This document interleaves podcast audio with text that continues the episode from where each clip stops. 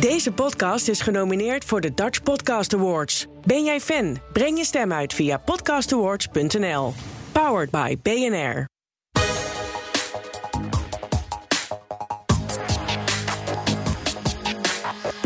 Hartelijk welkom bij uh, CryptoCast nummer, wie weet eigenlijk hoeveelste het is? 64. 64, oh ja, het staat hier in mijn eigen draaiboek.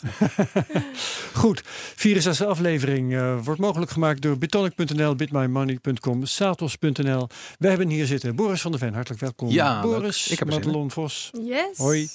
En onze gast Mahir Alkaya. Hartelijk welkom, Dank. financieel specialist van de Socialistische Partij in de Tweede Kamer. Ja, Leuk om jou hier te hebben. Leuk om er te zijn. We gaan uh, een interessant gesprek voeren volgens mij.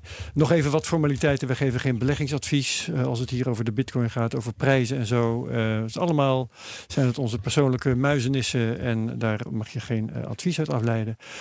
En nog eventjes, we zijn genomineerd voor de Podcast Awards. Yay! En je kunt op ons stemmen op podcastawards.nl. Uh, als je ons gevonden hebt en je hebt geklikt onder de CryptoCast op stem, vergeet dan niet helemaal naar beneden te scrollen. Ja. Want daar staat nog een uh, knop breng je stem uit. En dan begint er zelfs nog een procedure dat je uh, een e-mail krijgt en die dan weer moet beantwoorden. Dus het wordt je allemaal niet makkelijk gemaakt. Stemmen je... voor de Europese verkiezingen is makkelijker. Ja, op de dag dat wij dit opnemen, hebben we dat allemaal moeten doen. Of gaan we dat nog doen? uh, maar uh, stemmen op uh, de CryptoCast voor de Podcast Awards kan tot en met 6 juni, als ik me niet vergis. In elk geval is de prijsuitreiking op 7 juni. Ja. En daarna zul je dus horen of wij het geworden zijn, ja of nee. We hopen op jullie hulp. Oké, okay. nieuws. We gaan denk ik uh, om te beginnen maar eens even aan onze gast vragen. Wat is, heb jij crypto nieuws of nieuws op financieel gebied wat je met ons wilt, de wilt delen over de afgelopen week? Nou was er maar nieuws. We zijn al echt al maanden aan het wachten op een reactie van het kabinet op mijn initiatiefnota waar wij het vandaag over gaan hebben. Ja. Om als uh, overheid ook een dienst aan te bieden aan de mensen voor een spaarrekening, een veilige spaarrekening. En die initiatiefnota is niet van vandaag of gisteren. Nee, Want we zijn er ook al met elkaar uh, om, jou hier te krijgen al een half jaar over in gesprek of zo. Exact. Dus blijkbaar ja. heeft het toch een gevoelige snaar geraakt bij de uh, overheid. Dus ik ben benieuwd wat, met wat voor reacties ze gaan nou komen. Ja, of juist helemaal. Bedoel je omdat ze er zo lang over nadenken? Want je kunt ook zeggen ze zijn vergeten. Of is, uh, is het zo erg niet? Nee, ik weet toevallig dat de minister hier echt bovenop zit. En hij heeft ook aangegeven dat hij hier wat tijd voor nodig heeft. Dus dat zou een goed teken kunnen zijn. En wat stond er in, okay. in grote lijnen in? Hij heet 100% veilig sparen en beleggen, geloof ik, hè? Betalen. Sparen en Juist betalen. Neem niet kwalijk. Juist niet beleggen. Nee, oh nee, dat, dat doen we hier niet. Nee, een hoofdlijn... Nee, we gaan het zo over hebben natuurlijk. Maar ga, ga zullen, we dat, zullen we dat straks doen of nu? Uh, doen we straks. Ja, want uh, jouw nieuws is dus dat, dat je daar nog steeds geen nieuws over hebt. Exact. Oké, okay. dat is genoteerd. En uh, er komt straks ruimte genoeg om het over die nota okay, te gaan we dat straks doen? Ja. Uh, Boris. Ja, ik heb uh, gisteren groot nieuws. Uh, onze voormalige gast Kim Helwegen, jurist natuurlijk en erg betrokken bij regelgeving, die twitterde dat de Fiat en het OM een witwasmachine voor cryptovaluta offline hebben gehaald. En dat is een, um, ja, een pagina waar een nieuwsbericht van de Fiat zelf. Wat er gebeurd is, is dat ze een website bestmixer.io, die blijkbaar in Nederland werd gehost, offline hebben gehaald. Dat is een bitcoin mixer. Het idee is dat je daar bitcoin naartoe stuurt. Er worden allerlei transacties door elkaar heen gehusseld. En uh, verschillende transacties in totaal ter waarde van het, de hoeveelheid bitcoin die je hebt overgemaakt naar die mixer ja. worden doorgestuurd. En op die manier wordt er een soort van kunstmatige anonimiteit set gecreëerd. Ja. Een handig instrument bij witwassen, hè? Dat is. Uh, nou, er zit dus, er valt zoveel over te zeggen. Ten eerste, ja. uh, Kim heeft uh, ooit aangegeven dat het ook toen ze hier te gast was, zei ze dat het gebruik van een, een mixer, dus van, van dit soort technologie, een indicator is voor het OM voor witwassen. Nou, dat ik bedoel, het is een beetje alsof als je je gordijnen dicht doet, of dat een indicatie is voor huiselijk geweld. Weet je, het is een beetje hetzelfde. Van het, het, is het zo? Wat kan er voor andere reden zijn dan om zo'n nou, mixer te gebruiken? Dat je, dat je anoniem wil zijn. Ik ja. bedoel, stel je voor dat jij, uh, je, ik, ik, geef je een voorbeeld. Stel je voor, jij stuurt mij 1 euro in bitcoin. Ja. En vervolgens kan ik aan de hand van die transactie, kan ik zien wat jij hebt aan bitcoin, wat je voor ja. transacties hebt gedaan, alles. Stel je voor dat je salaris in bitcoin krijgt, kan ik zien wat je verdient. Nou, dat, dat wil je niet. Uh, je wil dat daar een laag van privacy eigenlijk op die bitcoin transacties gaat. En dit is een manier om dat te doen. Maar dat is niet wat er in deze stukken wordt verteld. Als Nee. in wat, wat ik in de mainstream media lees, is dat er gewoon een soort witwasorgaan is opgerold. Ja. En er wordt helemaal helemaal niet benoemd dat het toch best wel fijn is als niet iedereen op je bankrekening kan zien wat erop staat. Je verwacht het niet. Nee, nou het ja. is bijna alsof Bitcoin een beetje geframed wordt. weet Weet je wel, hè? Of misschien zijn het gewoon journalisten die gewoon lekker terugleunen in hun eh, comfortabele stoel van aannames en vooroordelen. Want ja, dat is, dat is gewoon wat dit is. Ik wil, het, eh, er zullen vast mensen zijn die eh, van dit soort diensten gebruik maken omdat ze uit het zicht van het OM willen blijven. Daar twijfel ik niet aan. Ja. Maar om te zeggen dat, dat, dat de volledige 400 miljoen die ze daar eh, gemixt hebben het afgelopen jaar, dat die afkomstig is uit criminele organisatie en witwaspraktijken, dat slaat helemaal nergens op. Maar hier wil reageren. Ja, ik vind het vooral leuk als we journalisten gaan bashen. Want dan kan, dan kan ik er natuurlijk wel mee. Hoef jij dat niet te doen? Ja? Nee, maar het is politiek gezien is dat eh, wel een interessant punt ook. Kijk, ik snap heel goed dat als je voor kleine betalingen een eh, soort van anonimiteit wilt, dat dat eh, moet kunnen. Dat heb je bij contante betalingen ook. En als wij ernaar streven, en dat streven wij om contante betalingen ook mee te laten gaan in het digitale tijdperk, zou je kunnen stellen, ja, als je echt 10 euro, 15 euro van dat soort bedragen overmaakt, waarom moet dat dan weer helemaal terug te herleiden zijn van waar het allemaal vandaan komt? Maar als het over hogere bedragen gaat, dan heb ik eigenlijk ook liever niet dat het contant wordt gedaan. Dus als het echt meer dan 5000 euro, meer dan 10.000 euro is, dan wil ik nu ook niet dat mensen dat even contant aftikken. Want dan zou er wel eens iets meer achter kunnen zitten. Dus ik kan me voorstellen dat ook later, als het met digitale betalingen eh, gaat, of dat met bitcoin is of met andere soorten betalingen, dat je bij grote bedragen toch ook wel wil weten wat er nou precies achter zit. En dat zulke diensten dan eh, niet meehelpen natuurlijk. Ja, Ja. ja. dat is de, het is een interessante discussie over, over privacy als recht natuurlijk. En ik, ik heb zelf heel erg zoiets van ja, het probleem is dat als je uitgaat van, ehm, eh, eh, hoe noem je het, van, van criminele intenties of crimineel gedrag, zoiets. Ja, dan kunnen we eigenlijk wel bij heel veel dingen eh, onze vraagtekens zetten in de maatschappij. Ik bedoel, een auto kan gebruikt worden als vluchtauto bij een overval. Moeten we daardoor alle auto's die harder dan 80 km per uur, ik bedoel, ik zeg maar wat, weet je, maar dat is natuurlijk het probleem met privacy. Ik, ik kan me voorstellen dat mensen het, het, het, het, zich het recht willen toe-eigenen om een transactie ook van bijvoorbeeld 5000 euro anoniem te doen. Ik zou niet weten waarvoor, maar het zou, ik kan me voorstellen dat dat een recht zou kunnen zijn. En dan, eh, ehm, nou goed, dan heb je hier de keuze om van dat soort diensten te gebruik te maken. Ja, er zit Ehm. een, een extra level in natuurlijk. Het is niet alleen dat je privacy wil hebben om die betaling te doen. Dus dat iemand niet weet wie jij bent. Maar daarnaast ook dat ze niet in jouw rekening kunnen kijken. Dat vind ik nog Dat- wel bezwaarlijker. Ja, en iedereen kan erin kijken. Hè? Ja. Dus ik bedoel, als je, eh, als je zegt van eh, eh, een, een, een banktransactie is in principe ook inzichtelijk voor het OM en de field en de banken en wat ik, maar niet voor mijn buurman en niet voor mijn collega. Ja. En dat is het grote verschil met Precies. Bitcoin. Oké, Iedereen dat kan het zien. Ja. Eh, dat was jouw nieuws? Dat was mijn nieuws. Ja. Madelon. Ja, ik had eigenlijk twee nieuwtjes. Ik had natuurlijk eh gisteren eh, een, een hele Twitter-feed wat vol stond met Pizzadag. Ja, het was Gisteren Pizza was het Day. Ja. Pizza Day. Eh, en eh, ik heb een hele mooie tweet gevonden van... Nee, ik weet eigenlijk niet meer waar, waar, waar ik het vandaan heb. Eh Cointelegraph. Ja, Cointelegraph.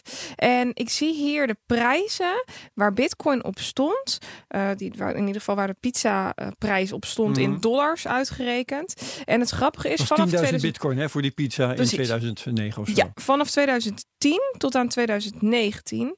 En dan zien we heel duidelijk dat het enorm fors opgelopen is van 20 dollar naar 37.000 dollar in 2011. Eh 2015 ging die naar 1 miljoen.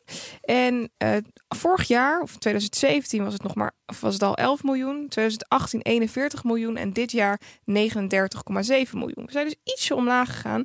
En het interessante om Maar sorry, dat is, de, dat is die 10.000 bitcoin. dat, wat- dat want is die is wat nu die pizza nu 80 is miljoen waard, toch? Op dit ogenblik. Voor Hier 8000 dollar. Nee, staat 39,7 miljoen. het Dat is wel degelijk. De, de 80 bitcoin miljoen. is nu ongeveer eh, 8000 dollar. Keer 10.000. Maal 10. Het is één pizza. Het gaat om één pizza. En Oh, het gaat om één is pizza. Ah, twee. oké. Twee Ja, is heeft wat twee Coin- pizza's Cointelegraph. Estimated price of one pizza toen was dus 20 euro en 5, eh, Ja. 50 cent. Of 20 dollar en 50 cent moet ik zeggen. Maar ik vind het wel heel grappig om te zien dat er dus wel fluctueert in de prijs. Waar 2014 eh, de, die pizza dan nog 2,6 miljoen kostte, kostte die in 2015 1,2 miljoen. Ja. Dus die is bijna gehalveerd. Weet je wat ik zo leuk vind? Iedereen heeft het altijd over Laslo. Ik ben even zijn achternaam uh, ontschiet. Maar even- Moeilijke- moeilijke Ja, achternaam ja. heeft hij. Ja. Die heeft natuurlijk die, eh betaal of die, die pizza's gekocht. En Hij iedereen heeft heeft zoiets van, oh, hij heeft 10.000 bitcoin uitgegeven van die twee pizza's. Maar als je terugkijkt naar 2010, waarschijnlijk hebben we allemaal wel een keertje 40 euro uitgegeven aan een pizza. Wij zijn allemaal Laszlo. We hebben toen niet voor hadden- 40 euro bitcoin gekocht. Ja, We zitten ja, allemaal ja. hetzelfde schuitje. Het zijn allemaal 10.000 bitcoin die we niet hebben. Ja. En, Dus en wat- kwam ik een, een eh, artikel tegen waarin hij werd geïnterviewd. Ja. En waarin hij vertelt dat hij eh, niet alleen deze pizza heeft gekocht. Hè? Dus hij heeft gaan. 100.000 bitcoin aan pizza's uitgegeven. Dus ja, want Herbert, jij hebt voor je boek toen het een en ander uitgezocht. En daaruit bleek dat het helemaal niet zo was dat hij graag pizza's wilde hebben. Maar dat hij gewoon bitcoin als betaalsysteem Ja. eh, wilde Ja. gaan introduceren. Dus hij heeft eigenlijk altijd geredeneerd, gedachte. bitcoin is er om mee te betalen, niet Ja. om vast te houden. Dus ik gebruik het om mee te betalen. En dat heeft hij zijn leven lang, gedaan, tien jaar lang gedaan. Hij heeft de eerste transactie. Hij heeft de eerste transactie. Hij is, hij is, eh, eh, Hij is tot in de eeuwigheid heeft hij de eerste transactie in, in de, in, de- in, op de Bitcoin blockchain. Ik bedoel dat dat eh, over, bedoel, over naast 30 Satoshi generaties. Hebben we Laszlo. Maar, maar serieus. En dat is denk ik Ja. onbetaalbaar. En Zo is dat. eh, Letterlijk en figuurlijk. Ja. Oké, joh, eh, ik heb twee nieuwtjes.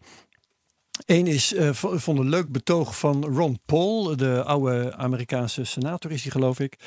Eh, libertariër, dus een hele andere politieke richting dan wat wij hier in de studio hebben binnengehaald vandaag. Ehm, ik moet daar niet zoveel van hebben, van dat libertarisme al met al. Maar ik vond wel zijn verhaal wel leuk. Hij zegt namelijk, leuk tegen, tegendraads, eh, de US dollar is in een bubble. En eh, vergeleken met, ja, ik zie jou lachen. Dus, Oh ja, you joh. get the point. ja, Ehm, ik zal het in de show notes zetten. Het is, een, het is een leuk betoog. Maar het heeft natuurlijk te maken met het financiële wanbeleid in de Verenigde Staten. Ja. Eh, hoe dat daar eh, allemaal zit met Wat in Europa dollars. overigens niet heel anders Niet heel anders is. Je kunt ook zeggen, de euro is in een bubbel. Maar in de Amerika is, ik, ik lees dat al jaren over de tekorten op de betalingsbalans en het bijdrukken van, van dollars en het, de, de torenhoge en almaar toenemende schuld en zo. Ja, ja, de Het is een kaartenhuis. Het bubbelelement zit hem erin in de hoeveelheid dollars in omloop en de Ja. hoeveelheid euro's in omloop. Niet zozeer de waarde van die dollar en die eh, euro. Ja, dat is trouwens voor een deel ook een betoog van John McAfee, hè, die hier wel vaak over de tong gaat. Ehm, eh, een miljoen, eh, een, een bitcoin van een miljoen eind 2020, dat is niet per se de waardestijging van de bitcoin, maar dat is misschien wel de waardestijging van de dollar. Ja. De voor een daling. belangrijk Oh ja, deel. Ja, ja, en natuurlijk ook dat ehm, de manier waarop het wordt uitgegeven. Kijk, als je zoveel euro's of dollars zou bijdrukken en je zou het gelijkwaardig aan iedereen op de bankrekening storten, zodat ze er eh, allemaal boodschappen mee zouden kunnen doen. Want mensen die al weinig geld hebben, die geven dat geld uit. Ja. Dan zou je nog kunnen bepleiten van, nou oké, dan hebben mensen iets meer te besteden. En dan heb je wat ja, dan heb je inflatie, maar dan heb je het nog op de een of andere manier een effect in de reële economie. Als je het allemaal via de centrale bank en via de eh, rentestanden en dan vervolgens via banken doen, die dan weer eh, goedkope leningen kunnen eh, aantrekken, ja, dan gaat het vooral in bubbels zitten van aandelenkoersen en in, in vastgoed en dat soort zaken. Wat de maatschappij daarmee opschiet, Ja. is eh, voor mij meer eh, een vraag dan dat ik daar een antwoord heb. We hebben het heel vaak hierover. En als ik, ik zit al op deze plek en dan kijk ik zo langs je naar buiten en dan zie ik, zie ik uit de huizen in Amsterdam. En ik zie gewoon de prijzen van die huizenblokken. Bij wijze van spreken, elke week zie ik dat ietsje omhoog In een gaan. belletje En dat- erboven staan. Ja, eigenlijk wel. In een soort belletje. Kunstmatig, Denkbeeld. Ja, ja, dat is heel kunstmatig. Ja, Ja. absoluut. Ja, dat is de bubbel. Mijn tweede nieuwtje, eh, dat is een onderwerp waar we het hier ook wel vaker over hebben gehad. Ehm, dat gaat over Bulgarije. Waarvan eh, gezegd wordt dat die eh, stilletjes grote hoeveelheden bitcoin hebben verzameld. Bulgarije zou beschikken over een hoeveelheid van 200.000 bitcoin. Wat best wel substantieel is Het is trouwens. een Eh, oud nieuwsbericht. We is hebben dat in nieuwsbericht. 2017 Ik kan hebben we me dat al. ook herinneren. Ja. Is dat zo? Ja, wij, weet wij je- hadden het, wij, het ging over Noord-Korea toen, herinner ik me. Nou, we hebben dit wel eens besproken. Bulgarije? En toen zei Ja. Willem Middelkoop nog destijds, nou, dat is, dat is belachelijk. Dat, gaat, dat kan niet. Nou kan ik me Ze herinneren. hebben dat in beslag genomen. En het interessante is dat het bericht is nu dus weer terug. Want ik heb Wie ook in crypto meldt het eh, gisteren. Ja, nee, is dat het klopt. op- opnieuw of, is- of is er iets Ja, veranderd? geen idee. Iemand heeft dat weer opgepikt. Uh, maar Hmm. het interessante is dat de het 200.000 bitcoin in de tijd gemeld werden dat ze al kwijt waren. Dus er is al een corrupte Ah. ambtenaar die daar eh, dat in zijn zak heeft. staan. Dus ik betwijfel of de Bulgaarse centrale bank eh, die bitcoin ergens bewaart. Dat lijkt me heel Eh, dat sterk. is, ja, dat eh vermeldt het verhaal Ja. We hebben nu nog één ding gemist. En dat ging over Greg Wright. Want Greg Wright sloeg weer toe. Hebben jullie dat gehoord Ja, afgelopen het week? Dat doet hij elke week. Maar wat is Ja. deze keer? Eh, hij heeft het whitepaper van eh, ja, Satoshi Nakamoto. Oh, auteursrecht. Precies, geprobeerd te Bij het copyrighten. merkenbureau. Bij het Ja, merkenbureau. maar is niet ja. ingetrapt. Nee, jawel, zijn er wel. Maar Ze ze, zijn er ze wel onderzoeken ingetrapt. niet of. eh, In kijk, principe kan iedereen. Ja, jij kunt dat doen. ook nog een keertje doen. En dan moet je, kun je volgens lekker gaan procederen over wie er gelijk heeft. Maar, eh, Claimen is het dus in feite. hij, maar hij claimt het natuurlijk al tijden. Ja. En, eh, Maar kan er staat niet. wel een boete op op het moment dat het uiteindelijk blijkt dat het, dat het niet klopt. Maar die Kelvin Ayer, Ayer, Ayer, ik kan zijn naam nooit uitspreken, die erachter zit. Zit. Die Ja. eh, Canadese eh, miljardair die met gok, uh, gokswebsites en fortuin heeft eh, verdiend. Mhm. Eh, Die betaalt dat allemaal. En die zit daarachter. En dat is eigenlijk waar de scam echt een scam wordt. Ehm, en ik heb laatst een, zelf een podcast gedaan met een Canadese bitcoiner. En, daar, en die kende hem goed. En die zei van ja, de eh, Craig Wright eh, zit echt in de zak van, van die Kelvin. Air. En dat, eh, Ik kan me ook niet voorstellen dat Satoshi dit zou doen.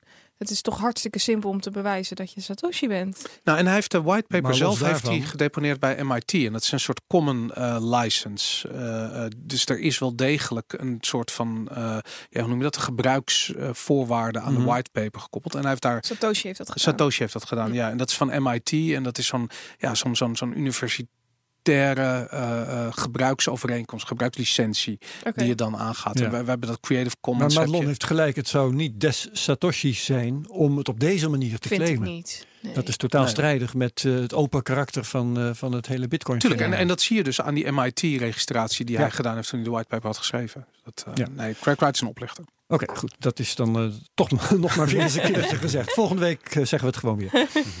Ehm, Oké, eh, Madelon, prijsanalyse. Ja, ik eh, zat toevallig even Bitcoin SV er, erbij te pakken.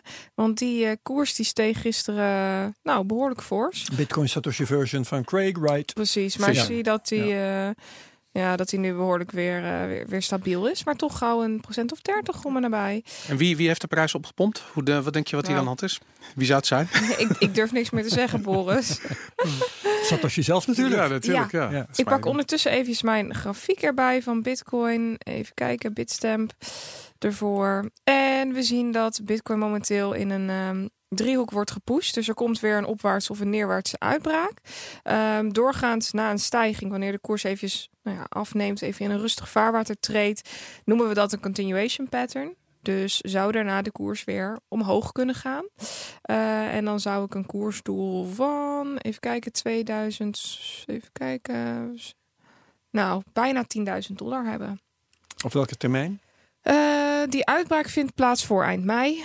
Dus dan moet er kant gekozen worden opwaarts of neerwaarts. Dus een, grotere, een klein beetje grotere kans dat die opwaarts uitbreekt. Omdat het dus een continuation Hmm. pattern is. Maar het kan dus ook gewoon de andere kant op. Het kan ook de andere kant op. Maar dan kun je daar in ieder geval voor eind mei op anticiperen. Door een order in te leggen.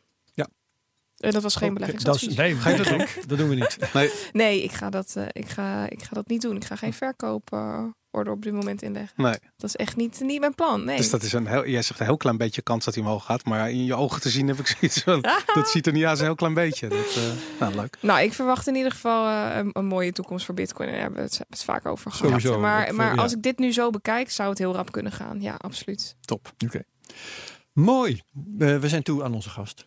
Mahira Alkaya- nogmaals welkom. Dank. Eh, wat wij altijd eh, eerst eh, vragen aan mensen die hier op bezoek komen. wanneer hoorde je voor het eerst van, van bitcoin, van crypto?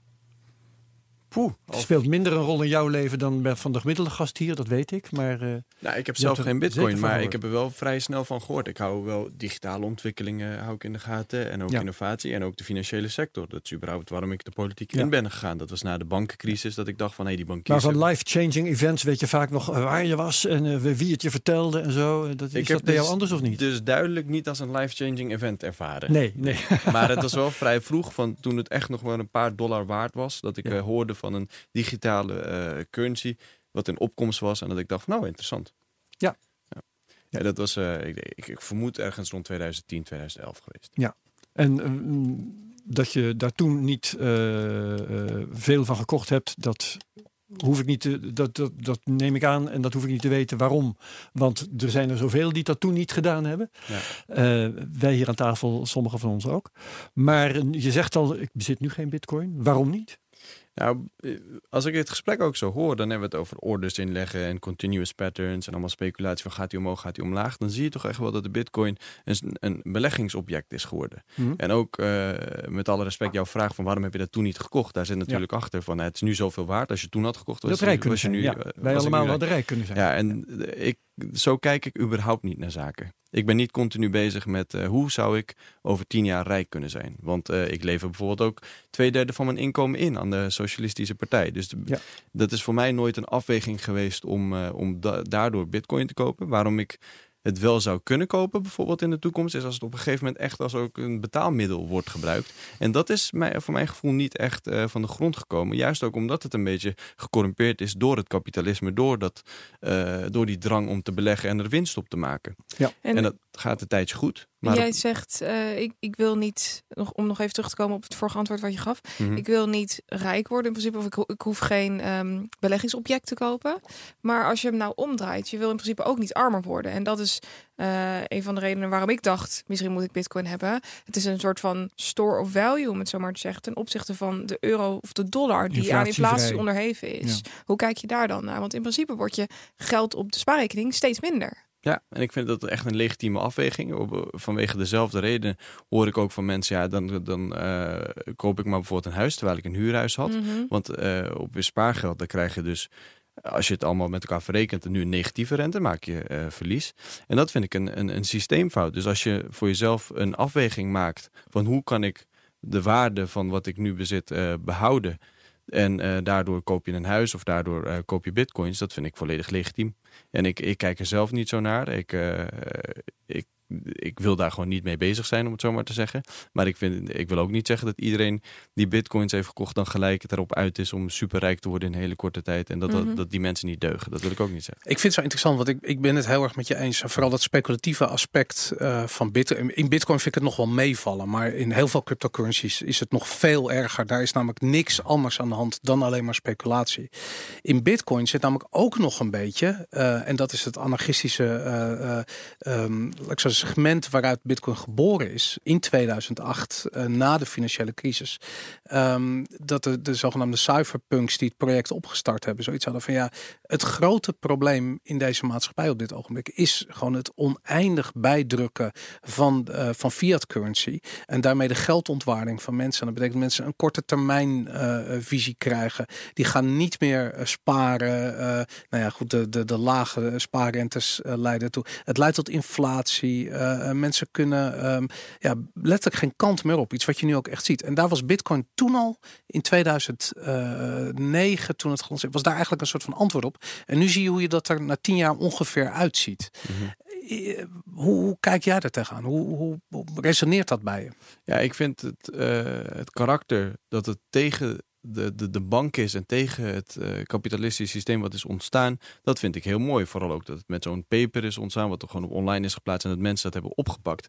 Dat vind ik heel mooi. Alleen het um, zwaait wel echt uit naar de verkeerde kant. Dit is echt nog rechtser dan die banken, zou je bijna kunnen zeggen. Het is zo decentraal en er zitten er zoveel aspecten aan waarvan ik zou zeggen, ja, dat is zonde als je dat opgeeft. Bijvoorbeeld dat je geen monetair beleid kunt voeren. Ja. Ik vind het feit dat we monetair beleid moeten voeren, dus dat we meer geld uh, drukken als, het, als dat nodig is, vind ik in essentie niet slecht als het bij de mensen terecht zou komen.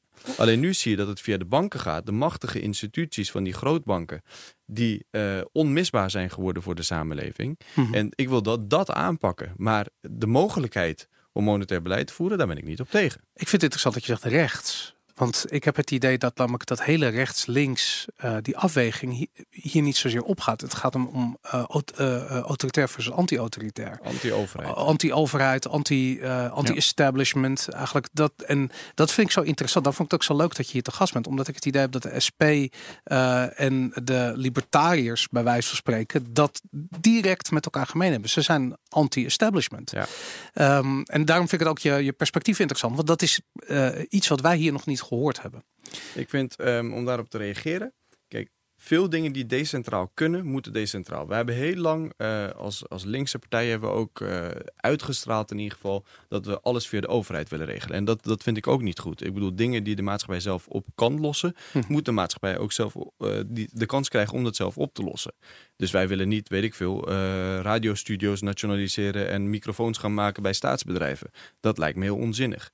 Maar echt de publieke diensten, de nutsvoorzieningen, waarvan je zou zeggen van dat kunnen we niet aan een markt, aan een decentrale partij overlaten, die moeten we als overheid regelen. En ik vind dat geld als ruilmiddel, dat vind ik daar echt bij horen. Dat is voor mij hetzelfde als onderwijs. Dat moeten we ook niet aan de markt overlaten. Openbaar vervoer, ja. energievoorziening.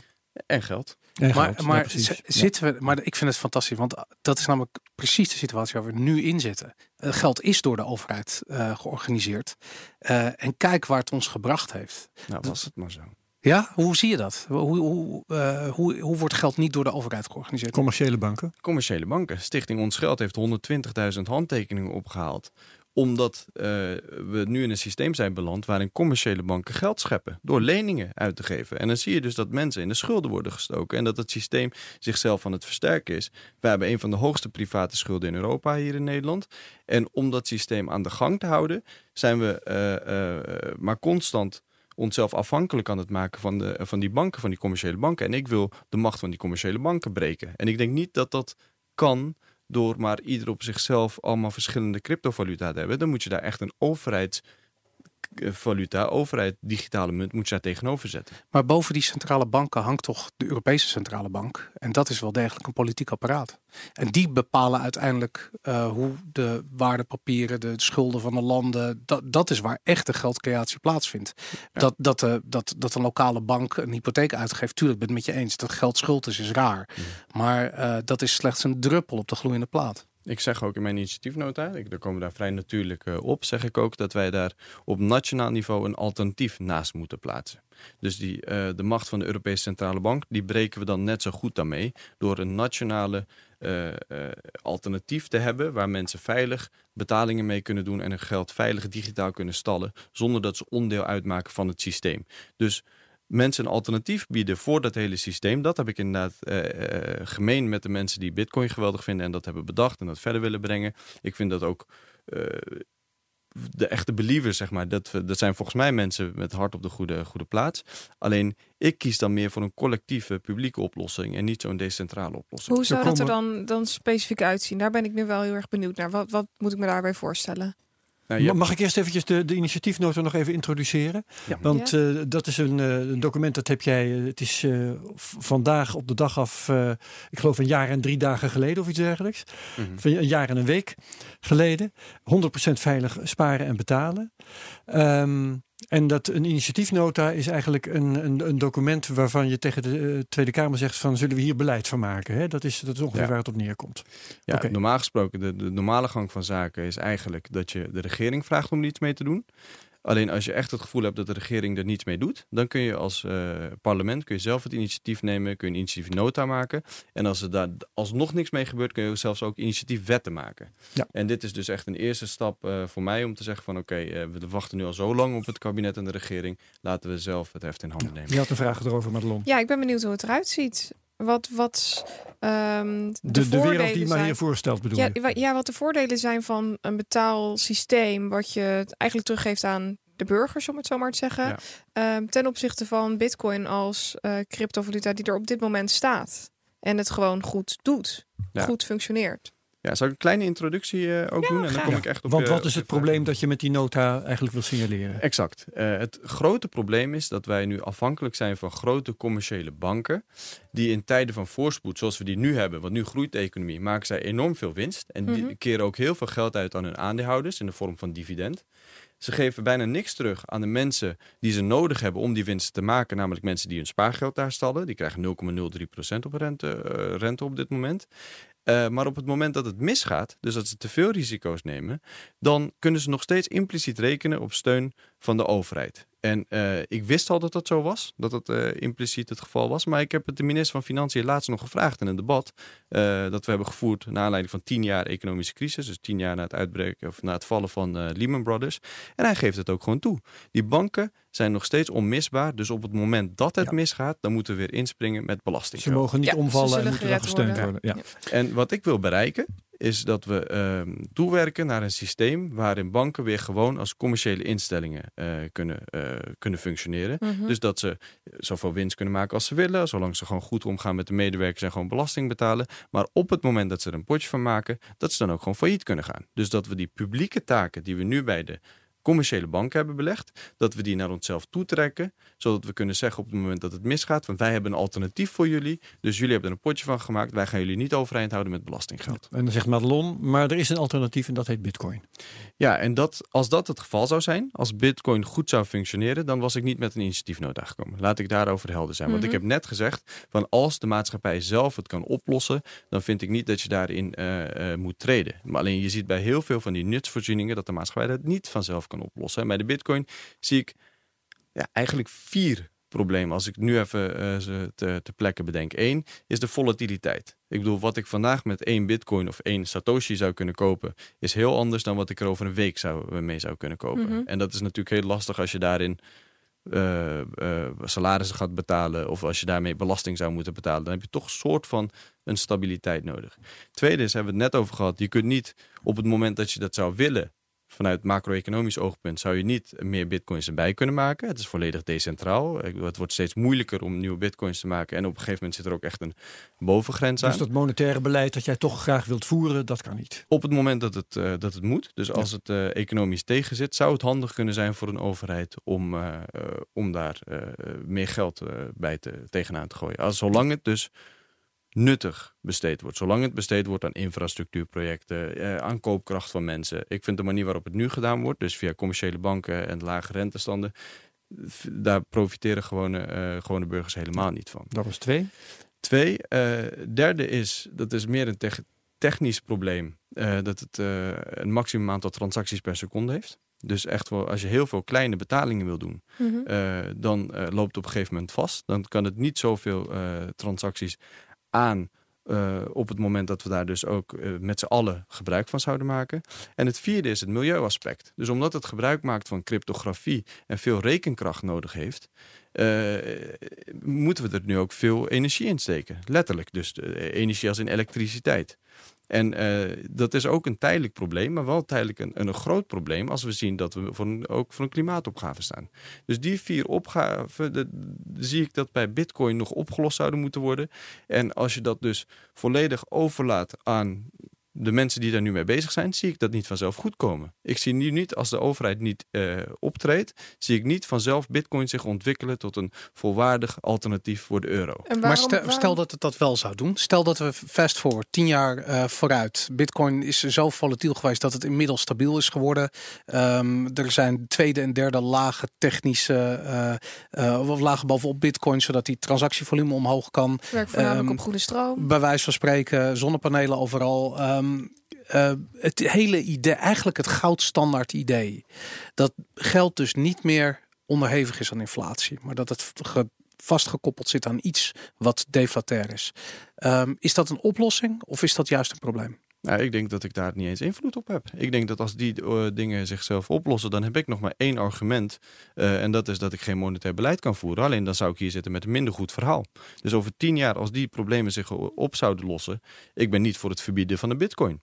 Dus dan, dan zullen we zien dat veel mensen er ook gebruik van zullen maken. Alleen in alle eerlijkheid ben ik daar best sceptisch over. Ik Ja. moet het nog maar zien gebeuren. Ja, Maar dat als is het dat gebeurt, ja, dan... En dan nog even terug naar jouw nota. Want ehm, in een notendop waar we het over hebben, is eigenlijk het fractioneel bankieren. Dus het idee dat die grote commerciële banken voor elke euro die een spaarder inlegt, zij op dit ogenblik geloof ik maar 6 cent eh, eh, eh, echt op de balans of op de balans in hun kluis moeten hebben liggen. Letterlijk maar drie cent. ja. Of drie cent. Ja, het verschilt volgens mij ook nog eens een beetje met wat je dan dat geld Ja. waar je dat verleent. Maar. Ehm, en dat levert natuurlijk het probleem op dat eigenlijk al die banken, eh, ehm, eh, hoe noem je dat, insolvable zijn of in, in- niet meer, eh, ehm, ja, niet meer gedekt zijn eigenlijk. Ja. Ehm, en dat betekent dat ze omvallen. En nou, ja, dat hebben we in 2008 hebben we dat gezien met Lehman Brothers en volgens alle banken, wat was het, SNS, ABN, die hier overeind gehouden werden door de, door de overheid. Even heel simpel, hoe lossen we dat dan op? Hoe Wa- bedoel wa- je? Dat- Nou, waar gaat dat exact mis, dat fractioneel bankieren? En wat is de oplossing daarvoor? Nou, ik vind dat, eh, dat, dat, dat ze dat best mogen doen. Alleen eh, wij moeten niet afhankelijk zijn van het functioneren van onze samenleving van hun risicovol, risicovol gedrag. Kijk, ehm, digitale betalingen zijn ondertussen zo belangrijk geworden. Die worden ook door de Nationaal Coördinator Terrorismebestrijding en CTV worden die ook aangemerkt als vitale infrastructuur, wat we dus moeten beschermen.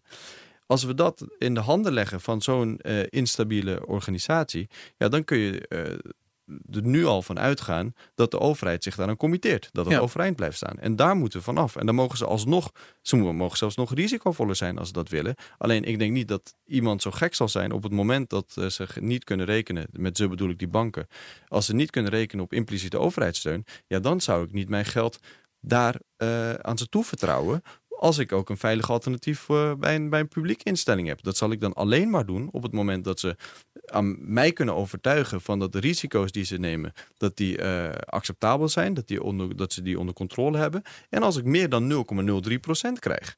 De, en dat zegt de Wetenschappelijke Raad voor Regeringsbeleid ook. Want zij zijn in januari zijn ze op basis van die 120.000 handtekeningen zijn ze met een dik rapport gekomen. Zij zeggen alleen al het bestaan van een veilig publiek alternatief zal disciplinerend werken op die banken.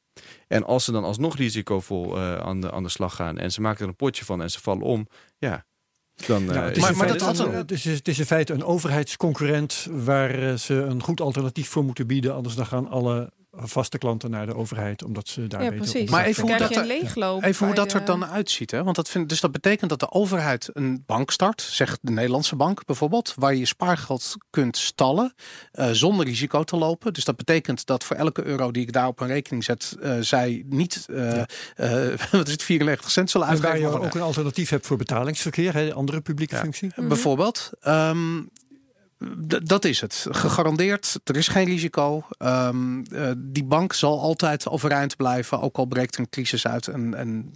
Exact. En dat, dat, kun je verschillende manieren kun je daarvoor vinden om dat in te richten. Kan direct bij de Nederlandse bank. Of je kunt er een publieke organisatie tussen zetten. Bijvoorbeeld de Volksbank, SNS-bank, die uh, als tussenpersoon optreedt. Maar wel dus jouw geld gewoon veilig bij de centrale bank stalt. Maar dat wordt dan inderdaad niet uitgegeven. En ook in de private sfeer heb je al uh, uh, alternatieven daarvoor. Hè? Tether heeft dat geprobeerd. Alleen het was vo volledig onbetrouwbaar. Ja.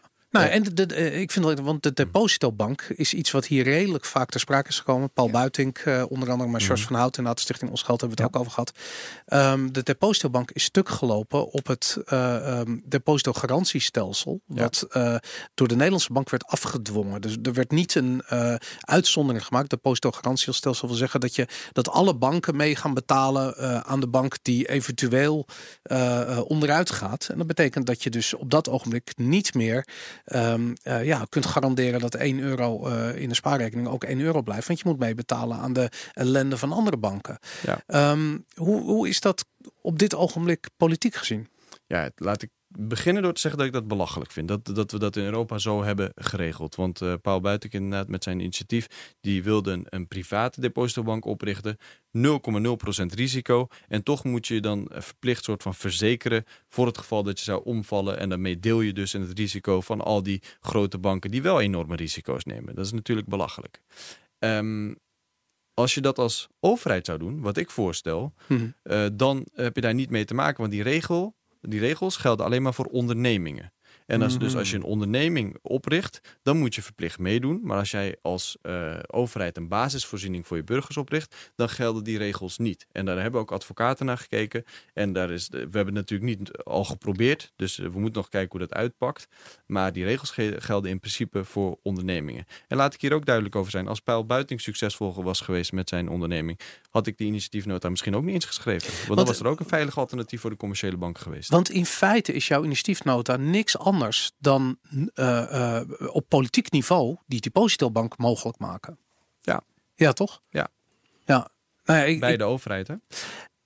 En ja, dat is eigenlijk dat is een beetje persoonlijk. Maar ik heb zoiets van als mijn um, uh, euro's veilig staan op een depositobank, hè, uh, dan is het enige wat die euro's nog echt bedreigt, is de inflatie. Ja. Um, hoe kijk je daar tegenaan? Ja, en tegelijkertijd is dat ook niet erg. Want je wilt ook niet dat jij of men al hun spaargeld daarbij zo'n veilige uh, depositobank stallen. Dus er moet ook wel een, een, een prikkel zijn, en mensen hebben dat ook gewoon, om uh, met je geld nuttige dingen te doen. Mm -hmm. um, bijvoorbeeld te investeren in allemaal lokale ondernemingen en het midden- en kleinbedrijf. En uh, ik vermoed, ik heb de sterke overtuiging dat mensen ook op zoek zullen gaan naar rendement op het moment dat ze bijvoorbeeld 3000, 4000, 5000 euro een veilig bedrag hebben gestald bij die veilige uh, bank, dat ze met de, uh, met de rest meer risico's zullen durven nemen. Alleen dan zullen ze niet gedwongen zijn om bij die commerciële banken uh, aan de slag te gaan en maar 0,03% te krijgen. Dan zullen ze een eerlijker deel van die winst krijgen. En ik heb daar politiek ook een punt van gemaakt. Want als jij nu aandelen in ING koopt, hm. dan krijg je 6, 7, 8 procent dividendrendement. Er wordt je zelfs 10 procent beloofd. Als jij daar een spaarrekening hebt, dat is 0,03 procent. Dus de kloof daartussen is echt een factor Ja. 300 of zo. Ja. Mhm. Dus ehm, eh, op het moment dat je aandelen koopt, dan zegt men ja, maar dan loop je ook een risico. Maar dat risico loop je helemaal niet, want de staat staat garant. Ja. ING kan niet failliet gaan. Ja, als aandeelhouder wel, toch? Ik bedoel, Ja, volgens mij was ABN was toch onteigend voor... eh, Ja, in de crisis zijn de aandelen wel wat gezakt. ja, inderdaad. Ja. Hey, ik, ik zit Koers eh, is gezakt. Ja, Ja, zeker. Ehm, ik zit een beetje te bladeren door de tweets. Die, want we hebben ook via Twitter heel wat vragen aan jou eh, binnengekregen. En we zullen ze niet allemaal kunnen behandelen. Maar ik vind het wel grappig om er hier e- één alvast uit te halen. Omdat je daarnet als een van de bezwaren tegen Bitcoin het milieuaspect noemde. En hier is een hele originele die ik wel grappig vind om jou even voor te leggen. Ehm, een veelgehoorde kritiek op Bitcoin is het deflatoren karakter. Maar maakt het juist niet dat Bitcoin, ondanks het energieverbruik, juist goed is voor milieu en klimaat? Het motiveert namelijk mensen om minder uit te geven en beperkt daarmee overmatige consumptie. Dat is echt een SP-argument, lijkt mij. Ik, eh, ik zag hem ook langskomen. Dat is niet echt een SP-argument. Wij vinden niet alle consumptie slecht. Ik bedoel, we hebben in Nederland nu nog steeds bijna ho- 200.000 eh, werkende mensen met een baan die onder de armoedegrens leven. Ik zou heel graag willen dat zij wat meer kunnen consumeren. Ja. Dus op het moment dat zij met deflatie of zoiets. Maar te het maken gaat hier over overmatige consumptie. Dus die vraag vind ik wel. eh, Ja, Het, het, gaat, het gaat over die. die eh, eh, eh, er is een boek geschreven, de Bitcoin Standard, door Severin Moes. En die noemt dat de high time preference versus low time preference. En het idee is, in tijden van een goudstandaard, waarin je geld op de bank eigenlijk meer waard wordt, ben je minder geneigd om direct morgen rendement te zoeken. En daardoor wat rustiger aan te doen met je geld. Wat, wat je spaart, je bent wat zuiniger. Je gaat niet. eh, eh, ja, die tv kan ook wel een jaartje wachten, bij wijze van dat idee. En als je dan naar onze maatschappij kijkt, ik, heb dit voorbeeld aan een aantal keer gegeven. Wij leven eh, in de bizarre economische realiteit. Dat het interessanter is om al het plastic van de wereld morgen in de oceaan te dumpen. Dan het in te zetten voor iets wat misschien eh, volgend jaar of over eh, tien jaar eh, enigszins opnieuw productiviteit zou kunnen opleveren. Ehm, dat is bizar. Hoe, verander je zo'n mindset? Zo'n zo'n verspillende, ja, eigenlijk door inflatie gecreëerde mindset. Ja, als, eh, als dat het effect zou zijn, dan zou ik daar natuurlijk niet zoveel problemen mee hebben. Alleen ik vermoed dat dat effect niet zo sterk zal zijn. Ik bedoel, als je dus een deflatorair karakter, hoeveel is dat van, van de bitcoin? Is dat wel eens gemeten? Volgens mij de, de deflatie eh, Nog- Nu percentage. nog niet. No, we zitten nog, Nog op een inflatie, van volgens mij 3,5 procent. En we gaan volgend jaar naar nou ja, 1,75. Ja, wat is de invloed van bitcoin erop geweest? Eh, hoe bedoel je? Op de, de, de- Dit is de inflatie van bitcoin. dit is de inflatie van bitcoin. Oh, Nee, maar nou, nou, nou wordt de, de discussie eh, verward. Want eh, wat, je, wat je nu noemt, Boris, dat Hmm. is het percentage bitcoins dat er jaarlijks bij komt. Mhm. Ja, dat Dat is niet hetzelfde als inflatie. Nee, nee, nee. Ik weet niet precies wat de definitie van inflatie zou moeten zijn. Maar in mijn eh gedachte is het de, eh, wat, wat je geld waard is, wat je mee kunt kopen. nee, dat is door- inflatie in euro's. Door waardetoename van de bitcoin is, Mhm. is de bitcoin deflator. Eh, wordt die jaarlijks meer waard, gemiddeld gesproken. Nee, want dat is vraag en aanbod. Ja, nee, nee het, het, gaat om inflatie van euro versus inflatie van bitcoin. Bitcoin is wel is op dit ogenblik nog wel zeker aan inflatie onderhevig. Inflatie heeft dacht Ja. ik iets te maken met wat je kunt kopen met je geld. Maar oké, dat Ja, nee, we goed, maar- hier een financieel spe- specialist. Wat vind jij ervan? Nou, ik vermoed dus dat het effect van bitcoin, of het nou is eh van mensen die een bitcoin hebben, of of het is dat, dat je dat als samenleving eh, als geheel bekijkt, wat dan effect van bitcoin is op de inflatiecijfers, dat dat heel gering is. En dat dat niet leidt tot meer of minder consumptie op dit moment. Dus dan Nou, moeten we heel moment, ver ja. doordenken van wat zou dan het effect zijn als we Ja, veel meer gebruik zouden maken van bitcoin. En als dat dan tot meer, eh, of meer deflatie of minder inflatie zou leiden, wat dan effect op consumptie zou zijn, dat is echt te, te, te veel speculatie. Eh, en het is, kijk, Bitcoin is op dit ogenblik, het speelt geen enkele rol van betekenis economisch gezien. Nee, in Nederland niet, wereldwijd niet. Het is een, een, een stipje op de kaart, bij wijze van spreken. Maar op zich het idee, wat natuurlijk in goud eh, eh, duizenden jaren heeft gewerkt. Ik bedoel, we hebben eh, hele tijdperken gehad dat eh, onze munt eh, door goud en, en in de UK door zilver werd eh, gedefinieerd. De waarde van werd door gedefinieerd. En dan zie je in die periode zie je dat het eigenlijk economisch heel goed gaat met zo'n land. Eh, dat er eh, het, het voeren van oorlog te duur is. Gewoon heel simpel. Niet dat mensen opeens vriendelijk tegen elkaar doen. het is gewoon te duur om oorlog te voeren. En eh, die mindset, dus van ja, juist dat sparen en zuinig zijn, omdat er omdat geld gewoon waarde heeft, die kan, ja, dat wil je niet verspillen. Dus het idee dat je daar oorlog van gaat voeren is bizar. Ehm, aan de andere kant, we, we- nu zie je, eh, wat Amerika heeft volgens mij inmiddels 22.000 miljard eh, schuld. En wat gebeurt er met dat geld? Daar wordt voornamelijk eh, in het eh, militair-industriële co- complex ge- geïnvesteerd. En dat zie je direct weer terug in het Midden-Oosten, de ellende, de, de wereldwijde drama's die uitbreken. En dan denk ik van ja, dat is een, weet je, plastic is een wat neutraler onderwerp, maar het is eigenlijk hetzelfde. Het is gewoon totale verspilling van, van, ja, van, van, van productiecapaciteit. Ehm, ja, aan wapens en, en onzin, wat ons als mensheid niet verder gaat helpen. Maar mag de andere kant benadrukken? Want eh, stel je voor dat het helemaal zou doorslaan. Hè? Dus dan heb je te maken met een eh, systeem waarin eh devaluatie van de munt niet mogelijk is. Mhm. En dat is in principe waar de Zuid-Europese landen nu mee te maken hebben. Als je te maken hebt met een te dure munt, dan eh, kun je internationaal gezien niet meer concurreren. Daarom zeggen wij ook dat die euro op termijn niet, niet houdbaar is. Ja. En eh, wie profiteren daarvan, van de waardevastheid van de munt? Dat zijn de mensen die al veel geld hebben. Ja. Kijk, inflatie eh, zorgt er ook voor dat schulden goedkoper worden. En dat eh, eh, mensen met eh, veel geld, die hebben er in principe last van, want hun geld wordt minder waard. Maar als je ge- al geen vermogen hebt, als je negatief vermogen hebt, als je alleen maar schuld hebt, dan is een beetje inflatie juist fijn. Maar dat moet toch niet de bedoeling zijn, lijkt me. Hoe bedoel je? Nou, het is in de kern toch de bedoeling dat je geld spaart voor later en niet dat je jezelf volledig in de schulden steekt omdat het alsmaar minder waard wordt. Ja, maar de helft van Nederland, eh pin me er niet op vast, maar misschien is het iets minder, heeft helemaal geen spaargeld. Ja, nee, dat begrijp ik, maar dat lijkt me toch niet de bedoeling van, van ons. eh, eh, Maar de bedoeling is een politiek ding. Je kunt ervoor kiezen, dat is in feite wat ik, wat ik hoor in, in maar hier is een betoog. Je kunt ervoor kiezen om die inflatie juist wel fijn te vinden. ja, nee, dat Omdat begrijp in zijn ik. geval- Maar dan, Constant, hè? dan Maar als- op het moment dat dus, het nodig dus is. consumenten om alsmaar opnieuw zichzelf met kop en kont in de schulden te steken. En ik denk niet dat, dat je dat zou moeten Nee, ik hoor maar hier juist zeggen dat eh, inflatie eh, aan schulden knaagt. En als je schulden hebt, is dat fijn. Ja, precies daarom. Dus Ja. dan zijn mensen eerder geneigd om een schuld of een hypotheek te nemen, omdat daardoor hun schuld minder waard wordt. Als je juist geld spaart en ervoor zorgt dat je dat Nou, op je is- bankrekening Zo zet. werkt het volgens mij in het hoofd van de consument niet. Er is inflatie, laat ik maar eens fijn schulden maken. Nou, de, Nou, de rente is op dit moment heel laag en de inflatie die neemt op dit moment alleen maar toe.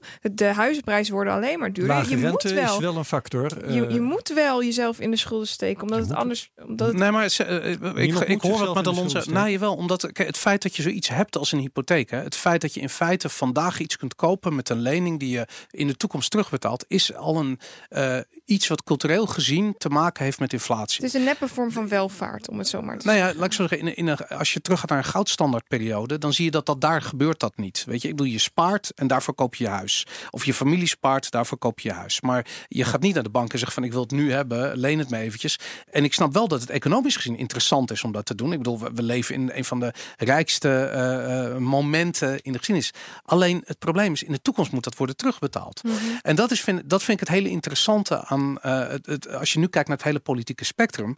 Dat, weet je zei net al van ja, links en rechts. Eigenlijk zijn eh, dus de Ron Paul, die we eerder noemen, de beetje de libertarische kant, wat, wat traditioneel gezien rechts eh, is. En bijvoorbeeld de SP, de, een beetje de socialistische gedachte, die komen totaal bij elkaar samen. Als het daarover gaat, over het feit dat eh, eh, inflatie eh, leidt tot inkomens, of laat ik zo zeggen, dat inkomens, inkomensongelijkheid een probleem is. Alleen hoe komen we daar?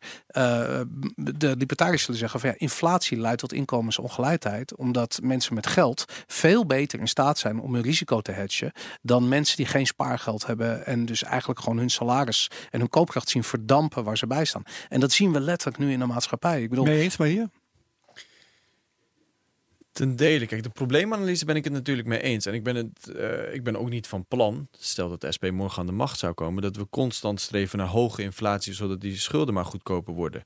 Ik Mhm. zeg alleen dat de mogelijkheid om dat te doen, eh, bijvoorbeeld tijdens of na een economische crisis, dat je de mogelijkheid hebt om monetair beleid te voeren, dat is wel belangrijk voor een overheid. En dat kan eh, incidenteel kan dat handig zijn, kan dat een nuttig middel zijn om de koopkracht van mensen te eh, behouden.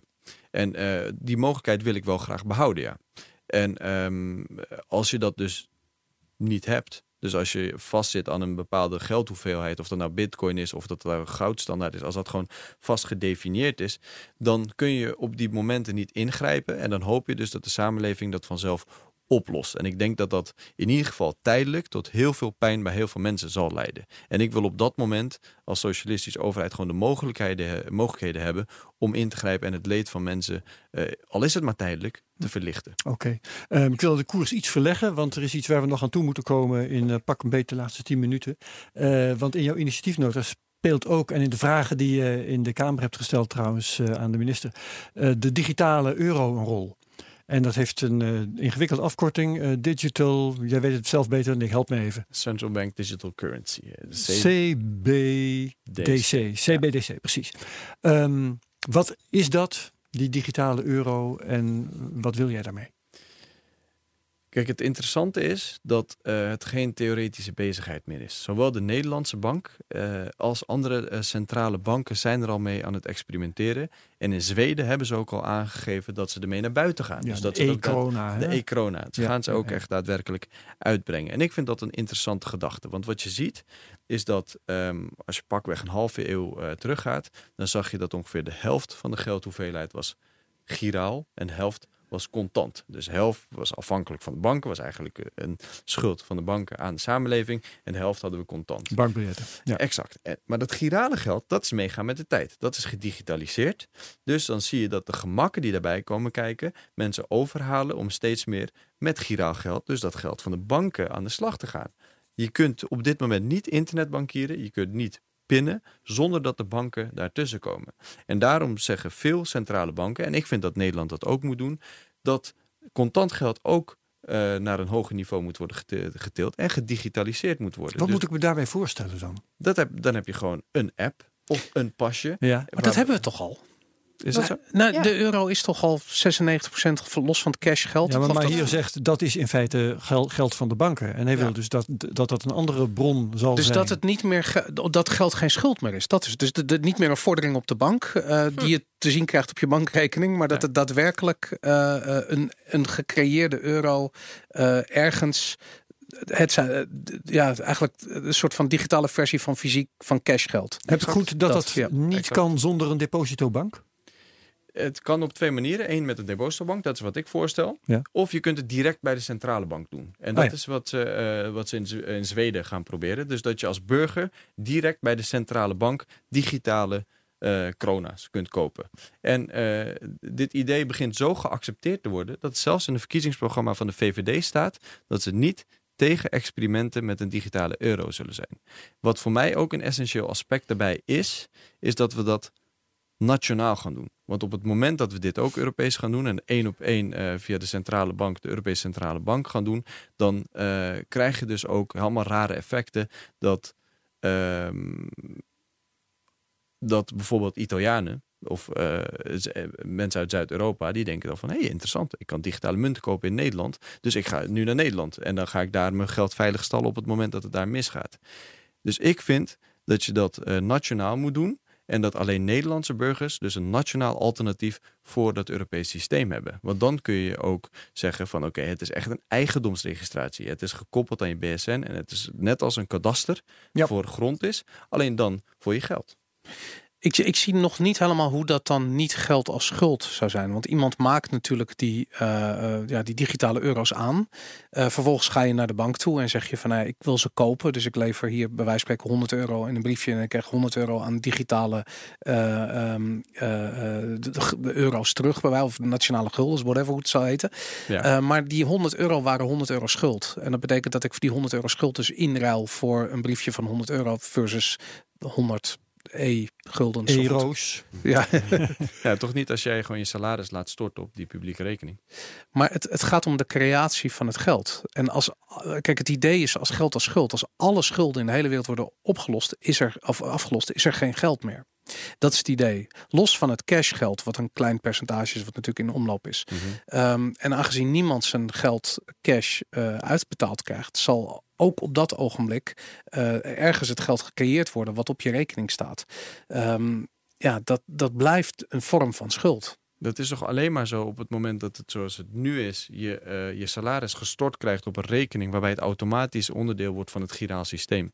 Als jij je salaris, waar dus arbeid aan de grondslag ligt, dus waardecreatie, wat jij met arbeid hebt verricht, als je dat in de vorm van digitale euro's op je uh, publieke rekening gestort krijgt. En de Mhm. banken hebben daar helemaal niets meer mee te maken. En uh, de enige manier waarop jij nog met commerciële banken te maken hebt, is als jij je geld aan hen toevertrouwt. Ja. Dan heb, is dat geld wat jij dus op je publieke rekening hebt gestort gekregen voor het arbeid dat je hebt verricht, is toch geen schuld meer?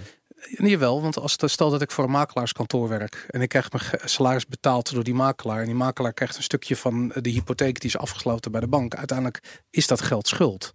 Ik krijg het niet als schuld. Ik heb ervoor gewerkt. Ik heb er uren in geïnvesteerd. Maar waar die euro's oorspronkelijk vandaan komen, is schuld. En Ja, maar zo kun je het dan op alles doorvoeren. Dan kun je het ook doorvoeren op bitcoin.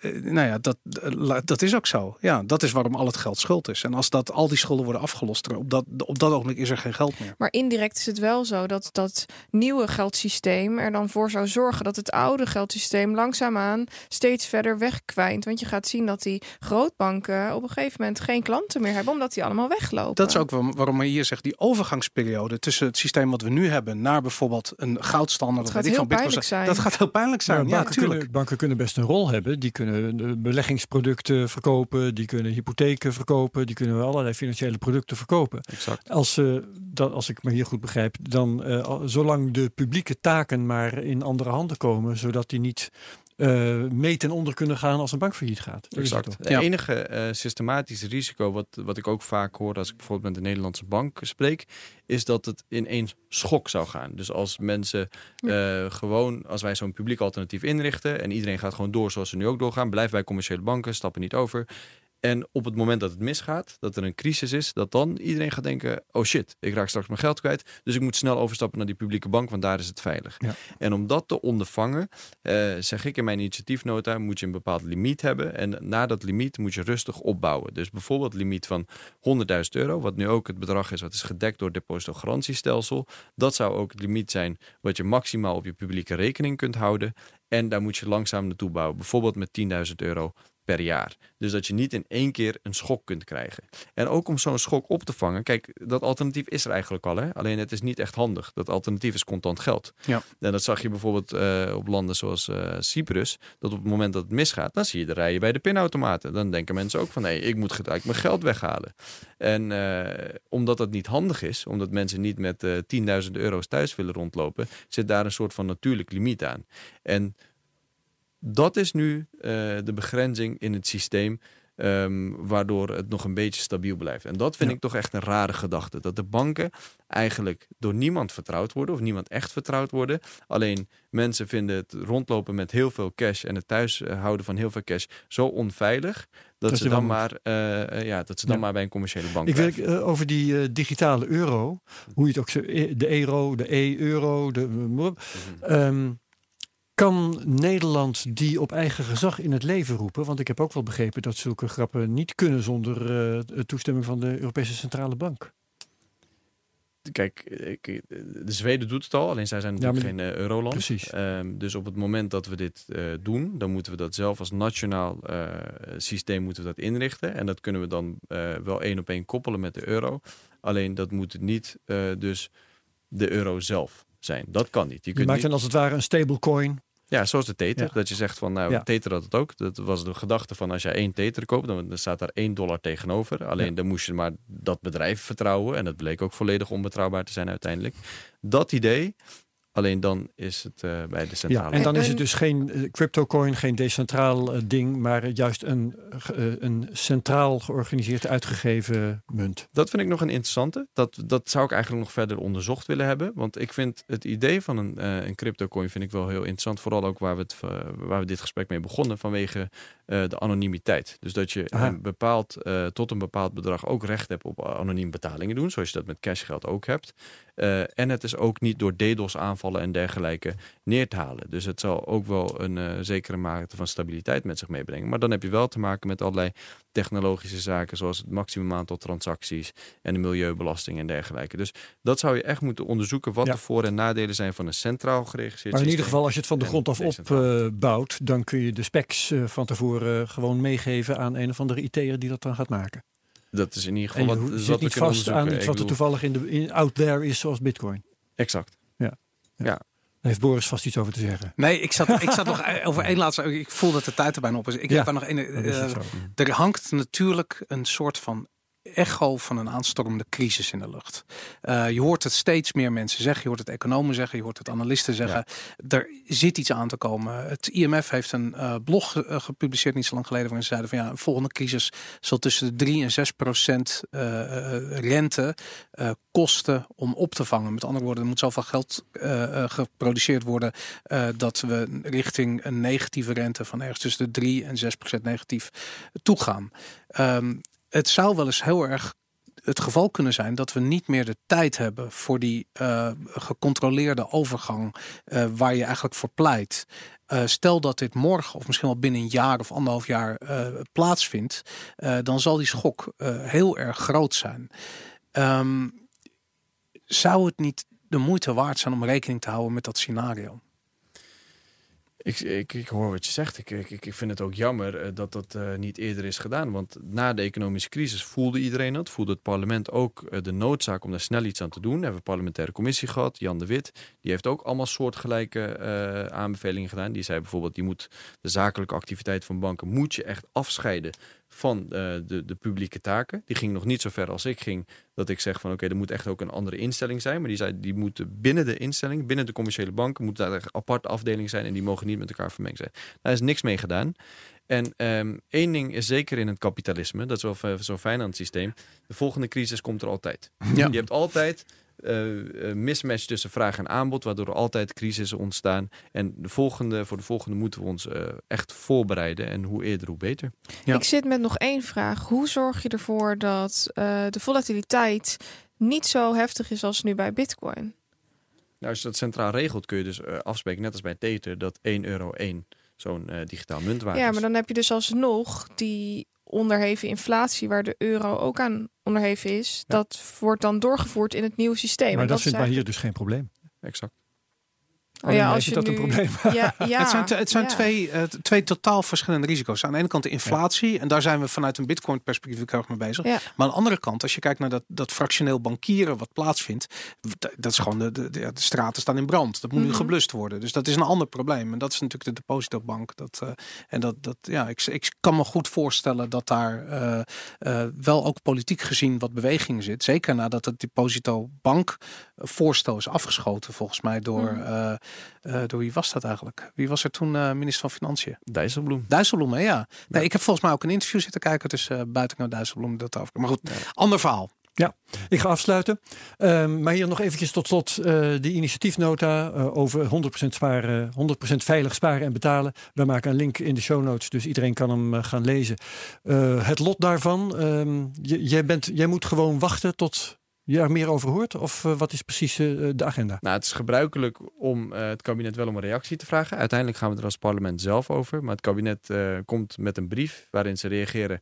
één, op mijn initiatiefnota. En twee, op dat dikke rapport van de Wetenschappelijke Raad voor Regeringsbeleid. En die reactie verwachten we eigenlijk binnen een paar weken. Dan zouden ze nog voor het zomerreces, dus nog voor juli, zouden ze daarmee komen. En op basis daarvan gaan we in het parlement in gesprek. Maar ik ben natuurlijk zelf al met andere partijen aan het praten. En ik vind het heel mooi om te zien dat ook andere partijen echt partijen waarvan je dat niet zou verwachten, zoals misschien het CDA of ChristenUnie, die zeggen van nou, ik zie hier wel wat in.